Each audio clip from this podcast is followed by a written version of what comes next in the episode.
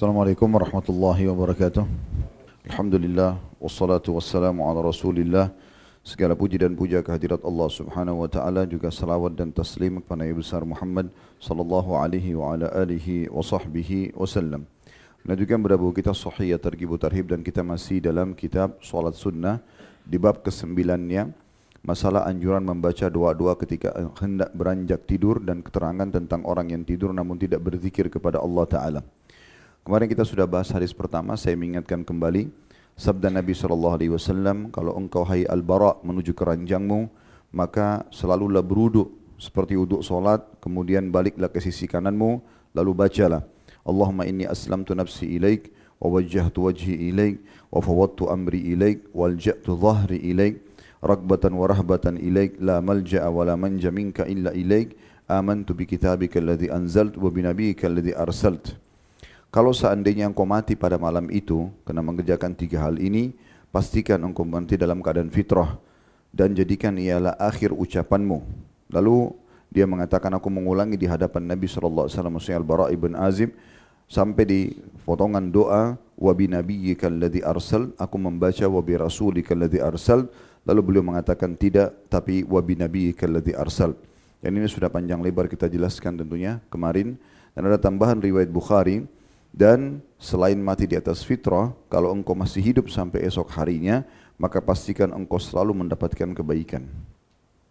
Hadis kedua pada siang ini dengan sanad sahih urutan 604 dari awal belajar berbunyi dari Ali radhiyallahu anhu beliau dinukil dari Ibnu Abi Layla menyampaikan kepada Ibnu Abi Layla dan orang-orang yang ada di sekitarnya anna Fatimah tashtakat ma talaqqa min ar-raha fi yadiha وأتى النبي صلى الله عليه وسلم سبي فانطلقت, فانطلقت فلم تجده ولكيت عائشة فأخبرتها. فلما جاء النبي صلى الله عليه وسلم أخبرته عائشة بمجيء فاطمة إليها. فجاء النبي صلى الله عليه وسلم إلينا وقد أخذنا مضاجع مضاجعنا فذهبنا نقوم. فقال النبي صلى الله عليه وسلم ألا مكانك ألا مكانكما؟ فقعد فقعد بيننا حتى وجدت برد قدميه على صدري ثم قال ألا أعلمكما خيرا مما سألتما؟ إذا أخذتما مضجعكما أن تكبر الله أربعا وثلاثين وتسبحاه ثلاثا وثلاثين وتحمداه ثلاثا وثلاثين فهو خير لكما من خادم. Bahwa Fatimah mengadu lecet-lecet di tangannya karena sering bersinggungan dengan penggilingan. Maka suatu hari pada saat itu ia mendatangi Nabi SAW. Pada saat itu Nabi SAW kedatangan tawanan-tawanan perang. Lalu Fatimah pergi untuk menemui Nabi SAW namun tidak mendapatinya dan kemudian bertemu dengan Aisyah radhiyallahu anha. Lalu Fatimah menyampaikan hajatnya kepada Aisyah. Maksudnya harap dibantu dengan seorang pembantu dari harta rampasan perang. Ketika Nabi SAW pulang, Aisyah pun menyampaikan kedatangan Fatimah kepadanya. Lalu Nabi SAW kata Ali radhiyallahu anhu mendatangi rumah kami sementara kami telah berbaring di tempat tidur kami. Lalu kami bangun, maka Nabi SAW bersabda, tetaplah di tempat kalian berdua.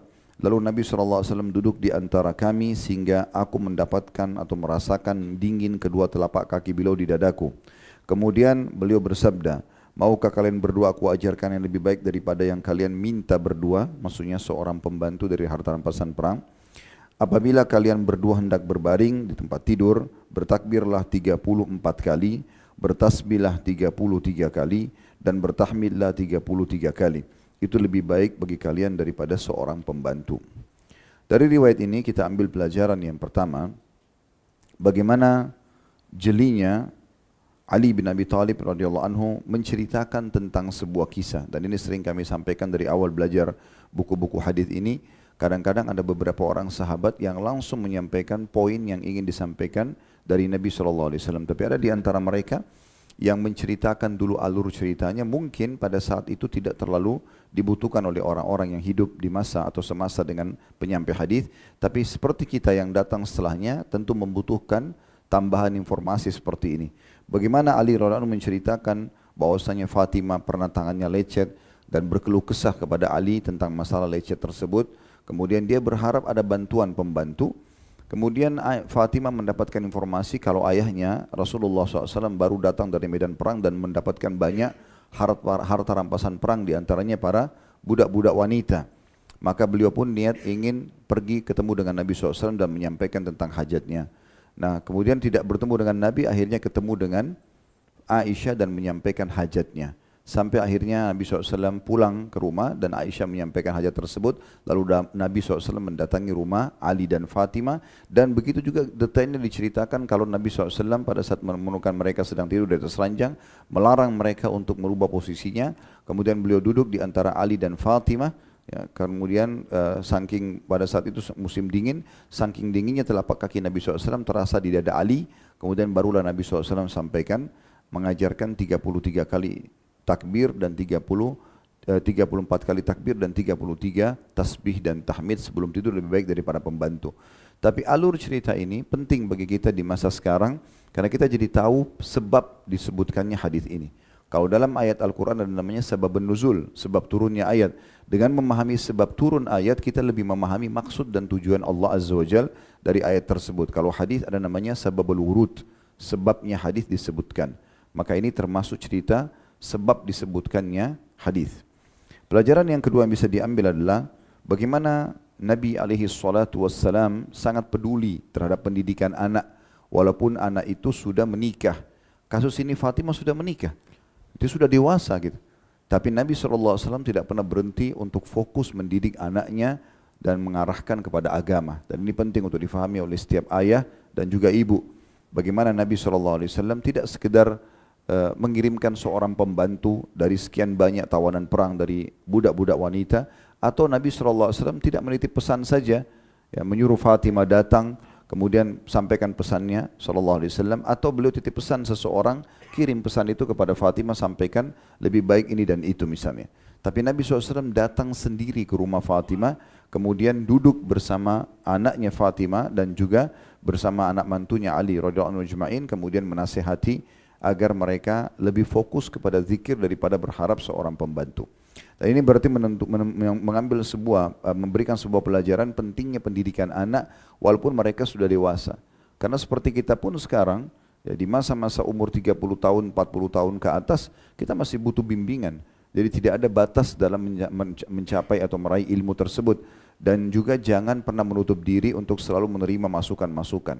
Makanya Umar radhiyallahu anhu mengatakan, aku akan terus mengenang kebaikan seseorang yang mengingatkan satu aibku saja. Padahal beliau sudah jadi khalifah pada saat itu dan sudah sangat dewasa, mertua Nabi SAW, sahabat yang jamin masuk surga, tapi beliau tetap mengatakan seperti ini. Berharap ada di antara masyarakatnya atau sahabat-sahabatnya yang datang yang memberikan masukan kepada beliau sehingga beliau ya eh, tertutupi aib yang sudah terlanjur terjadi dan beliau perbaiki ke depannya. Begitu juga Ali radhiyallahu mengatakan aku akan terus ya, mengabdi ya, kepada seseorang yang mengajarkan kepada aku satu huruf. Jangankan satu kata, satu kalimat, satu paragraf atau sebuah ilmu, potongan ayat, potongan hadis, satu huruf saja sudah cukup membuat aku akan selalu mengabdi dengan orang tersebut. Artinya aku akan selalu berbuat baik pada orang itu. Ini pelajaran yang kedua. Pelajaran yang ketiga, bagaimana Nabi SAW e, memberikan gambaran tentang pentingnya zikrullah dan zikrullah mengalahkan semua apapun aktivitas kita di muka bumi ini, baik aktivitas positif, ya hal-hal yang mubah ataupun yang dianjurkan seperti bekerja, makan, mandi dan seterusnya yang selalu kita lakukan setiap hari, tetap zikir di atas semua itu. Dan seperti Allah SWT firmankan, ala bidzikrillah tatma'innul tatma'innul qulub. Bukankah dengan zikir hati itu akan tenang? Ini tidak akan dirasakan kecuali oleh orang-orang yang sudah merutinkan zikir itu dan mengetahui keutamanya serta sibuk mengejar keutamaannya Makanya kita dari keluar rumah sampai kita masuk rumah lagi, dari pertama bangun tidur sampai tidur lagi semuanya ada zikirnya. Dan zikir ini berarti kita terbiasa untuk selalu menghubungkan diri kita dengan Sang Pencipta Allah Subhanahu wa taala dan tidak boleh kita lalai sedikit pun. Satu-satunya ibadah yang Allah Subhanahu wa taala tetap ya uh, perintahkan hambanya lakukan walaupun sudah masuk ke dalam surga hanya zikir. Salat, jihad, sedekah, bakti sama orang tua sudah tidak ada lagi ini di surga. Yang ada hanya zikrullahi ta'ala. Oleh karena itu zikir ini penting. Tapi harus dengan tata cara yang diperintahkan oleh Nabi alaihi salatu wassalam. Dan tidak boleh mengarang-arang cara-cara zikir tersendiri atau cara sendiri.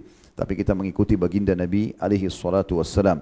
Dan di sini kita bisa ambil apa yang saya sampaikan ini di uh, mutiara yang ketiga dari hadis, bagaimana sikap Nabi sallallahu alaihi wasallam padahal anaknya Fatimah sudah pecah-pecah tangannya dan tinggal diberikan satu budak atau pembantu selesai. Maka akan meringankan pekerjaan Fatimah. Tapi Nabi SAW bukan tidak ingin memberi, beliau juga tidak melarang seseorang pakai pembantu karena dalam Islam dibolehkan. Rumah-rumah ummahatil mu'minin, rumah-rumah istri-istri Nabi semuanya ada pembantunya.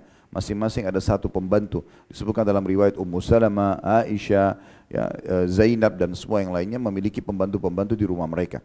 Tapi di sini Nabi SAW ingin mengajarkan sebuah poin bahwasanya zikir lebih penting daripada pembantu-pembantu tersebut.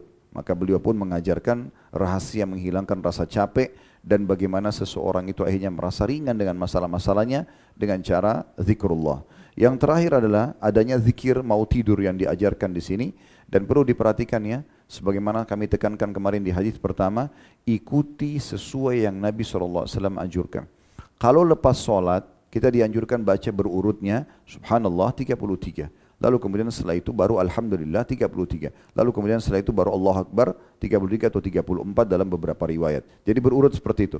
Tapi di sini kalau mau tidur, Nabi SAW ajarkan Allahu Akbar dulu 33 baru subhanallah eh, 34 maaf Allahu Akbar 34 subhanallah 33 baru alhamdulillah 33 jadi urutannya berbeda dan kita ya harusnya menjalankan sesuai dengan panduan Nabi alaihi salatu wassalam. Karena tidak mungkin beliau sebutkan seperti ini kecuali memang berurut. Diambil dari potongan Nabi sallallahu alaihi wasallam mau enggak saya ajarkan kepada kalian berdua yang lebih baik ya daripada kalian memiliki pembantu yaitu atau maukah aku ajarkan kepada kalian sesuatu yang baik buat kalian maka kalau kalian ingin tidur bertakbirlah 34 kali, bertasbihlah 33 kali dan bertahmidlah 33 kali, itu akan lebih baik daripada pembantu. Dan sebagian ulama hadis mengatakan makna hadis ini secara zahir memang seperti itu. Kalau seseorang mengerjakan ini sebelum tidur, maka insya Allah dengan izin Allah semua kepenatan dia dalam keseharian akan hilang karena memang dia menutup dengan apa yang diajarkan oleh Nabi alaihi salatu wassalam. Maka ini zikir yang kedua yang dianjurkan yang dalam hadis kita bahas pada hari ini sebelum tidur tentunya. Semoga bermanfaat. Subhanakallahumma bihamdika asyhadu an la ilaha illa anta astaghfiruka wa atubu ilaik. Assalamualaikum warahmatullahi wabarakatuh.